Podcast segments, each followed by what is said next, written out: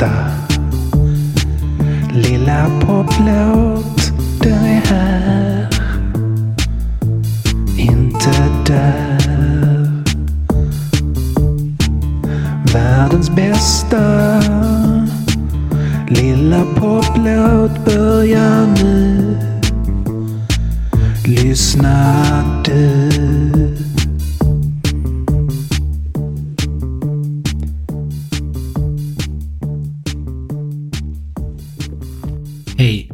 Shabaluba!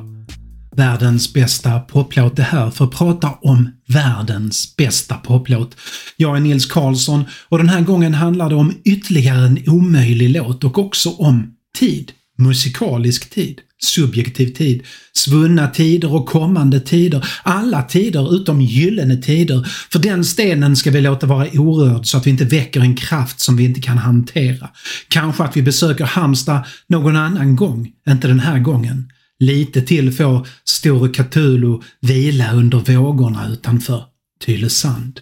Om du älskar musik, och det är ju ganska sannolikt att du gör det eftersom du lyssnar på det här, så var tiden närmast oändlig i början. En skiva som släpptes på våren kunde kännas uråldrig när den första snön föll, för du hade rört dig genom världar av ljud redan. Det nya blev gammalt snabbt. Det du lyssnade på när du var 12 var gammalt när du var 13 och nästan orimligt retro när du fyllt 15. Sen ebbar det ut, för vi ebbar ut för det mesta. Till exempel 1982 slår Duran Duran igenom i hela världen. Skivan Rio säljer massor och popmänniskorna lyssnar på Hungry Like the Wolf eller Save a Prayer. Tre år senare gör de comeback med A View to a Kill från Bondfilmen med samma namn. Tre år är ingenting. 1993 gör de comeback igen med Ordinary World och trots att det bara gått 11 år sedan de var hungriga vargar så är det som om en hel evighet har gått. Musik finns i stunden och när stunden har flytt så fanns musiken för länge sedan. I alla fall upplevs det så. När vi blir äldre försvinner den där upplevelsen av den omedelbara tiden som bara finns just i stunden och det är plötsligt inget konstigt alls att en artist tar flera år på sig att spela in en skiva eller att man tänker att Gangnam style är en ganska ny låt och att All about the bass också är en ganska ny låt och visst kan man väl säga att My Chemical Romance är ett ganska nytt fenomen? Nej, det kan man inte. Så välkommen till den svarta paraden och inse att vi inte hänger med längre. När vi börjar tycka att låtar som kom för ett par år sedan är nya, så är det såklart dels okej, okay, men också lite sorgligt. För visst saknar vi det där med att bara längta, längta, längta, längta tills nästa LP släpps och så läser vi artiklarna är okej okay och sätter upp planscherna och önskar så himla mycket att snart, snart, snart kommer det väl en ny låt. Det här är berättelsen om en låt som misslyckades totalt med sin timing. En låt som kom när tiden och lyssnarna redan sprungit iväg och därför nästan ingen hörde.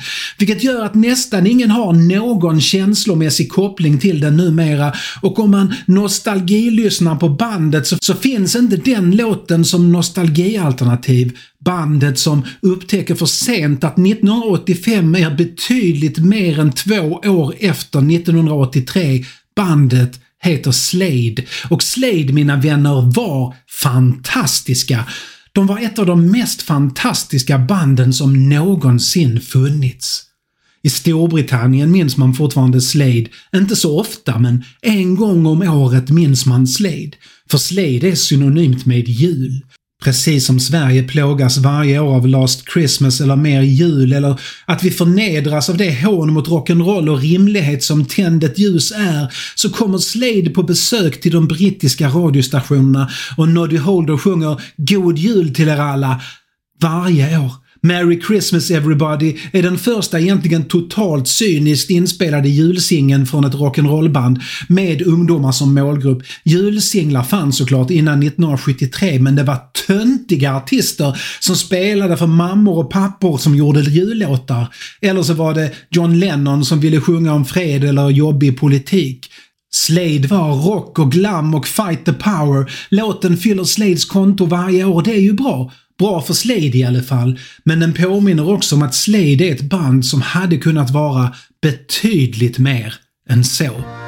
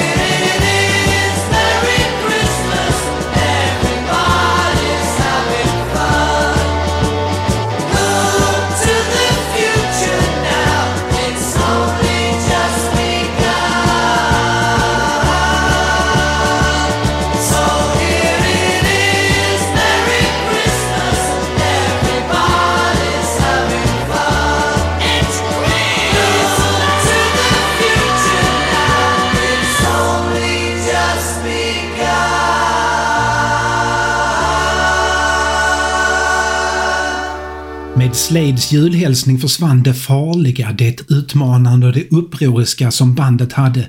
De var hårdast av glamrockens rockare och de var mer hypnotisk boogie-rock än vad Status Quo någonsin blev. Deras konserter var stökiga och energifulla och det var efter att ha sett en av dessa i New York som Gene Simmons i Kiss insåg att de inte kan tävla med Slade om de inte hittar på något alldeles extra till föreställningarna. Noddy Holders röst träffar toner förträffligt men har ändå den raspighet som ger intrycket av något trasigt. När John Lennon hörde Holder sjunga i studion bredvid i början av 70-talet sa han till Claes Borman att “den där killen är den bästa sångaren jag hört. Han sjunger precis som jag gör”. 1973 i februari kom “Come On Feel The Noise” och den har allt det där tidiga Slade hade, det som senare överskuggades av jultomte-Slade. Det var det Slade som hörs på “Come On Feel The Noise” som spelade in filmen Flame. Inspirerad av The Beatles framgångar med spelfilm ville skivbolaget göra samma med Slade, men Flame är ingen lättsam Hard Day's Night eller Help. Flame är ingen psykedelisk glorifierad rockvideo som The Magical Mystery Tour. Flame är diskbänksrealistisk misär om arbetare som inte kan ta sig loss ur sin samhällsklass bojor trots rock'n'roll och drömmar om något bättre. Filmen kom 1974 men innan dess hade Slade förvandlats till tomten och var det där ofarligt trevliga bandet som till och med mormor lyssnade på. Slade var ur fas med sig själva och ur fas med tiden. Hade filmen kommit sommaren 1973 direkt efter Come On Feel The Noise hade den varit rätt. Hade den kommit 1976 eller 1977 mitt i den tidiga punken hade den varit rätt. Men 1974 var den dödsdömd.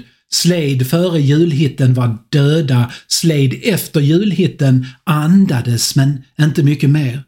Men en gång fångade de den där känslan av att faktiskt kunna ta på publikljudet. Hade de slutat med Come On Feel The Noise så hade de slutat på en topp som hade kunnat göra dem legendariska. Inte rika, men legendariska.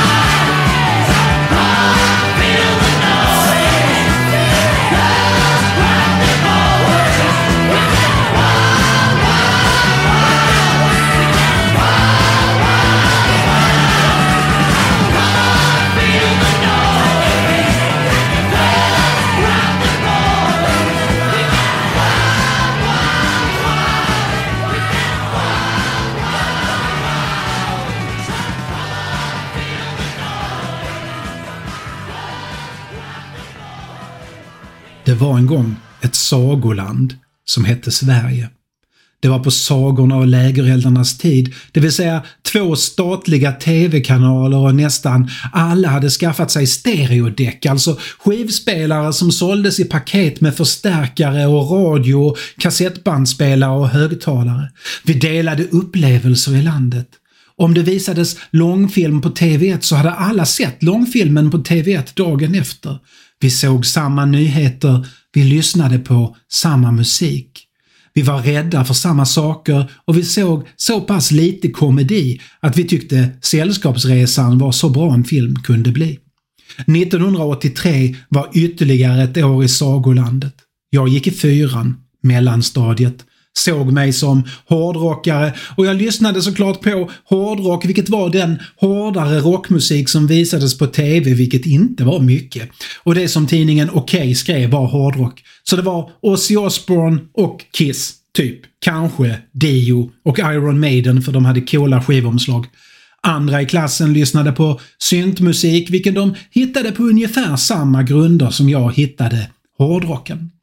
Oavsett ståndpunkt och ställningstagande i konflikten mellan synt och hårdrock så var mellanstadiediskot en plats där alla meningsskiljaktigheter lades åt sidan. För att istället blygt röra våra kroppar hjälpligt i takt till musik medan några äldre barn från det mytomspunna högstadiet var diskjockeys. Då och då kom det en långsam låt och då fick den som hade tur kombinera att kramas med att dansa och de lugna låtarna var något alla kunde älska för det fanns så mycket längtan i oss att den ballad som spelades sist på diskot blev magisk. Samma på diskoteken för de äldre. Det är den lugna låten i tryckaren som de stora känslorna tvingar sig på och det är de som definierar vår tid. I ett sagoland som Sverige med en populärkultur som alla delade fanns det bara en tryckare åt gången. Balladen som förenade oss. Ibland kanske den bara fanns hos oss en vecka och ibland stannade den kvar längre. 1984 till exempel kommer Foreigners I wanna know what love is och den jäveln stannar kvar i vad som känns som för alltid. Inte minst som den senare blir central i de två första omgångarna av TV-serien Svenska hjärtan som precis alla såg eftersom alla såg precis allting som gick på TV eftersom det bara fanns en sak som gick på TV och det fanns inget annat att göra än att se på TV om man inte ville göra något så vanskligt som att prata med varandra istället. Kabel-TV mördade den gemensamma tryckaren. Men en gång fanns den kulturkanon över lugna låtar att hångla eller bara titta längtansfullt på varandra till. 1983, En stund 1983, hette en av dessa låtar My Oh My och bandet som spelade den, inte minst på tv-programmet Rassel, var Slade. Slade var tillbaka. Fast det var inte som att Slade så mycket var tillbaka som att de var helt nya, för i Sverige hade i stort sett ingen kvar några minnen av Slade. Sverige upptäckte Slade 1983, Storbritannien återupptäckte Slade 1983. Det var slumpen som gjorde att Slade fick en andra eller egentligen tredje chans 14 år efter deras första. 1980 skulle Ozzy Osbourne spela på den årliga hårdrocksmusikfestivalen i Reading Tanken var att hans framträdande som Reddings huvudnummer skulle bli startskottet på hans solokarriär efter att han fått sparken från Black Sabbath två år tidigare eftersom hans totala alkoholism gjort honom helt omöjlig att samarbeta med. Ozzy var klar med skivan Blizzard of Oz, men den hade inte släppts än i augusti 1980. Ändå gick det rykten om den. Om Ozzys gitarrist Randy Rhodes och hur han och Ozzy skrivit och skapat något helt enastående bra. Rhodes lämnade för övrigt gruppen Quiet Riot för att spela med Ozzy en stund innan han tänkte plugga klassisk gitarr på universitetet. Quiet Riot har en liten roll att spela i det här senare. Inför spelningen på Reading-festivalen lovade Ozzy bomber och rök och klassiska Sabbath-låtar och en hel massa nya banbrytande vidunder till hårdrockspärlor som lika mycket var en del av den klassiska hårda rocken som den nya vågen av brittisk heavy metal som publiken mestadels kommit dit för att höra. Publiken hade kanske inte hört hans nya skivor men de köpte ändå massvis med biljetter till Reading och festivalen blev slutsåld. Det var bara det att Ozzy ställde in i sista stund. Utan att ange några direkta anledningar heller så, så arrangörerna står utan huvudnummer men med fullt med publik. De måste hitta någon snabbt och billigt. Någon föreslår Slade och efter lite övertalning ställer de upp trots att de i praktiken har lagt av. De ser det som en avskedskonsert. Det blir vrålsuccé. 65 000 personer i publiken. De hade inte kommit dit för att höra Slade, men när Slade spelar kommer de gamla låtarna tillbaka till dem och Slade blir som en nostalgisk men ändå klockrent modern urladdning. Publiken älskar Slade och Slade älskar sin publik och de känner att nu är vi tillbaka.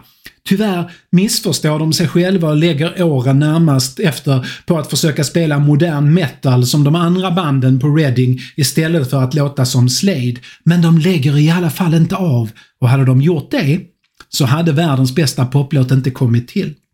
Slade lyckades använda sin nyfunna semi-popularitet till att få ett nytt skivkontrakt, den här gången med RCA, och de spelar in och försöker hitta den gamla magin fast med uppdaterat ljud. 1982 slutar de försöka låta som New Wave of British Heavy Metal och skriver och spelar in det mesta av det som ska bli The Amazing Kamikaze Syndrome utan några större förhoppningar om att det ska bli en succé. Tanken var att släppa den innan sommaren 83 så att de kunde göra lite utomhuskonserter och sedan deppa under hösten för att orka le när det är dags för den årliga julslid att dyka upp i TV och radio och önska “Merry Christmas everybody”. Det går åt helvete, för RCA har viktigare artister att prioritera. Moderna artister. Skivsläppet skjuts upp. Sommaren ställs in. I juni 1983 i USA får Randy Rhodes gamla orkester Quiet Riot en monsterhit med en cover på Come On Feel The Noise. Den blir startskottet för popmetall och hårmetall och allt vad det heter. Deras Metal Health-LP toppar listorna och gör att även USA får en ny våg heavy metal. Först ut i den nya amerikanska vågen är Come On Feel The Noise och plötsligt prioriterar RCA Slade igen. Tur att vi inte släppte The Amazing Kamikaze Syndrome, säger RCA. Nu kan vi använda Quiet Riot som språngbräda, säger RCA. Synd att er skiva är värdelös, säger RCA. För det finns ingen singel att släppa från den där skivan. De hittar ingen lämplig låt alls. Så de ger Jim Lee och Noddy Holder, de är Slades Lennon McCartney, en vecka att skriva två hitlåtar på och så hyr de in producenten John Punter för att slipa dem till perfektion. John Punter låg bakom Brian Ferrys popljud och 1983 var hans berömmelse på topp på grund av hans arbete med gruppen Japan. Punter och Slades samarbete blir till låtarna My Oh My och Run Runaway. De är inte alls metal. Men de är magiska. I november kommer My Oh My och i början av vintern 1983 är My Oh My låten vi dansade till, eller önskade att vi dansade till.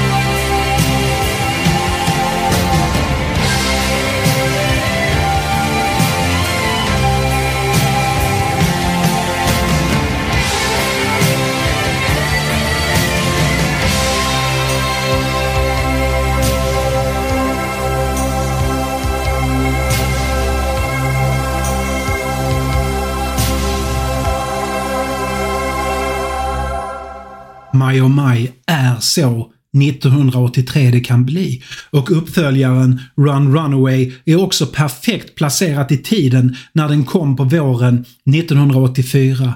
Jim Lee spelar elektrisk fiol och blandningen mellan folkmusik och power chords och enfaldiga trummor får världen att älska Slade även om de själva inte alls tycker att låten blev så bra som den kunde ha blivit. De hade bara en dryg dag på sig i studion och kände att om de bara hade fått mer tid så hade den kunnat bli låten som smälte samman alla olika former av Slades uttryck. Och texten hade kunnat vara mer än den skiss med nonsensord som Holder hade hittat på för att hänga upp melodin på. Halvfärdig eller inte, amatörmässig eller inte, allt som hade kunnat vara men som inte blev eller inte, den hittade rätt. Rätt in i vår tid 1984 och den fungerade där och då eftersom den var där och då. Slade lyckades vara den andra brittiska invasionens, alltså de brittiska band som krossade listorna i USA i samband med MTVs genombrott, märkligaste orkester. De såg inte alls ut som polerade Duran Duran eller välkammade Wham eller syntfriserade Flock of Seagulls. Nej, de såg ut som samma jävla glamrocksidioter som de gjort sedan 1970. De delade listor igen med David Bowie på samma sätt som de gjort tio år tidigare. Men den Bowie som bjuder upp till Let's Dance har väldigt lite att göra med det stjärndamm han och spindlarna från Mars strödde över oss medan diamanthundarna gläfste bakom hörnen i Suffragette City. Slade är samma då som nu fast med trummaskiner och elektrisk fiol. Och märkligt nog var det exakt det som var 1984 års tidsanda.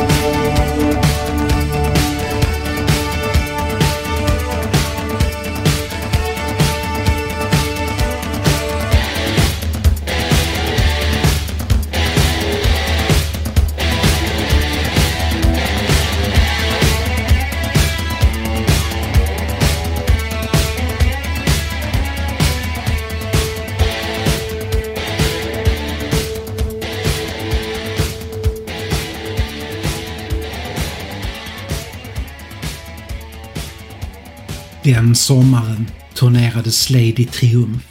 De är större än någonsin och de ger intervjuer om att aldrig ge upp och om att göra sin grej oavsett vad någon säger. När skivförsäljningen avtar något för The Amazing Kamikaze Syndrome släpper de sina gamla skivor på nytt och så hittar en ny publik dem. Människor som aldrig tidigare hört Get Down and Get With It rycks med av den och på skolgårdarna sjunger man att “Mama we're all crazy now” som om det var 1973 och inte 1984. Den julen gör Slade inte ens reklam för “Merry Christmas Everybody”. Den spelar såklart olidligt mycket ändå, men det här här året känner Slade att de inte behöver den låten längre. Noddy Holder och Jim Lee använder julen och veckorna efter till att skriva nya låtar istället.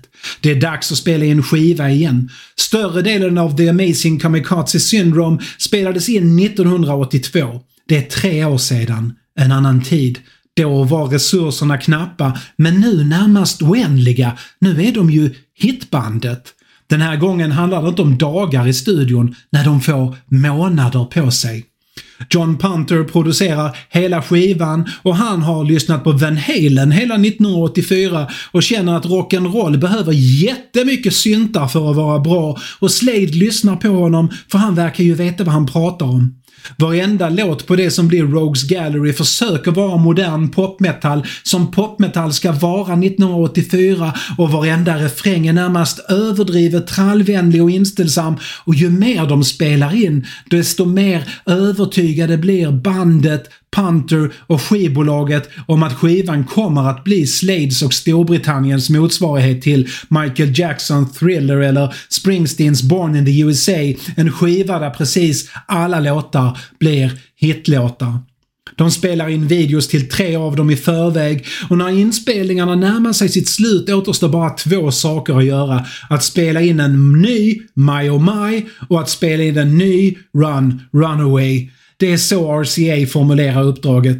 Slade och John Punter tolkade väldigt bokstavligt. Jim Lee och Noddy Holder har skrivit vad de tycker är My Oh My fast ännu bättre All Join Hands. All Join Hands följer My Oh Mys arrangemang till punkt och pricka, har samma tempo, men är en aning mer inbjudande till fylleskrål på puben än vad My Oh My är.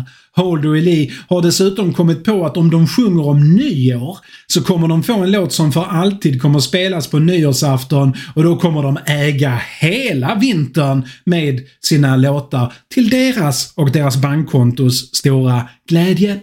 Med den nya Run Runaway är det mer komplicerat. Inte så mycket för att det är svårt att skriva den, nej, Hey Ho Wish You Well närmast skriver sig själv, säger de när de blir intervjuade och fortfarande självsäkert tror att alla kommer förstå hur bra den är.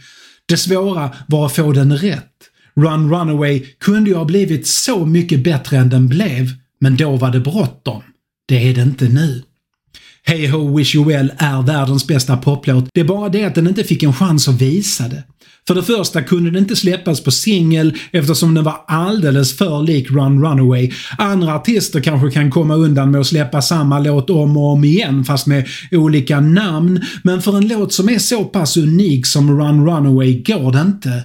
Att alla låtar svenska Cheiron-studion prånglade ut lät likadant var en del av konceptet och helt acceptabelt och förväntat. Men om Slade plötsligt bara släppte singlar med elfiol och folkmusikvibbar hade det varit alldeles för tydligt hur mycket de bara vill casha in på en oväntad framgång.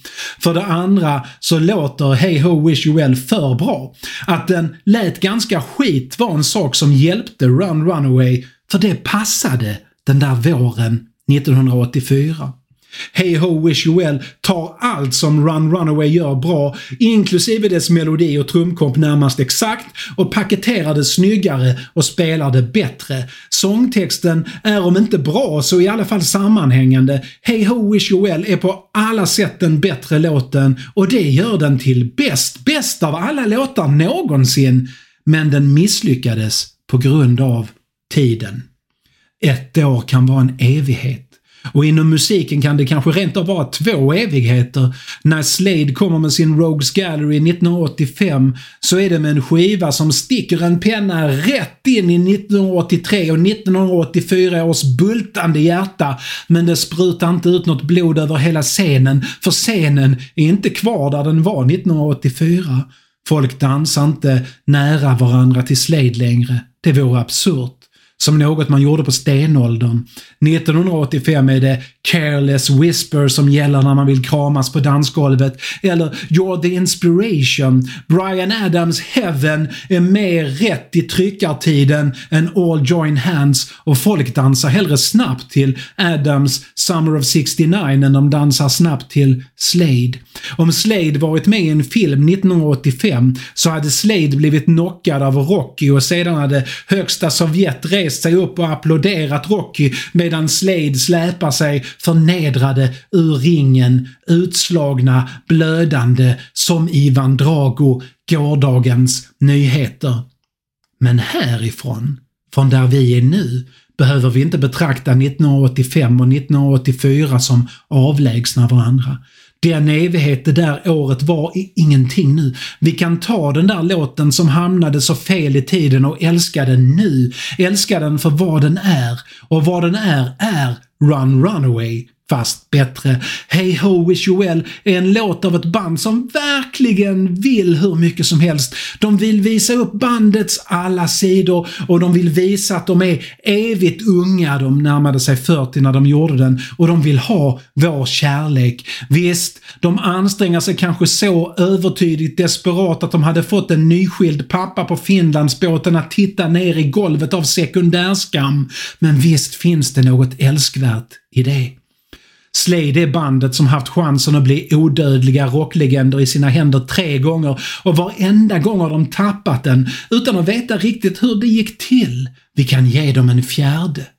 De lär inte återförenas och spela in en ny klassiker även om vi såklart hade behövt en påsklåt från dem också eftersom de hatar varandra och är långt över pensionsåldern allihopa. Men vi kan ju spela deras låtar och minnas både vad de gjort och vad de kunde ha gjort.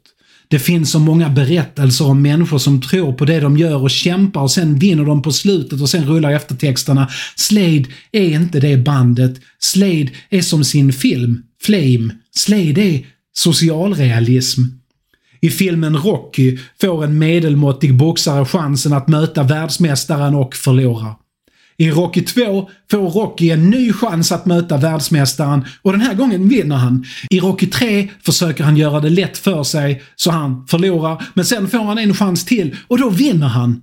Slade är som Rocky Fast de förlorar både andra och tredje chansen också. Men ändå kan de säga att de mötte världsmästaren och för ett ögonblick pressade de världsmästaren mot repen. Och när det ögonblicket kom så vände de sig till publiken och vinkade och sa “Ser ni mig? Älskar ni mig nu? Ser ni att självaste världsmästaren är skakad?” Sen blir det svart. Det är dumt att inte hålla ögonen på den man möter i boxning. Men det var värt det för det där ögonblicket. Eller hur?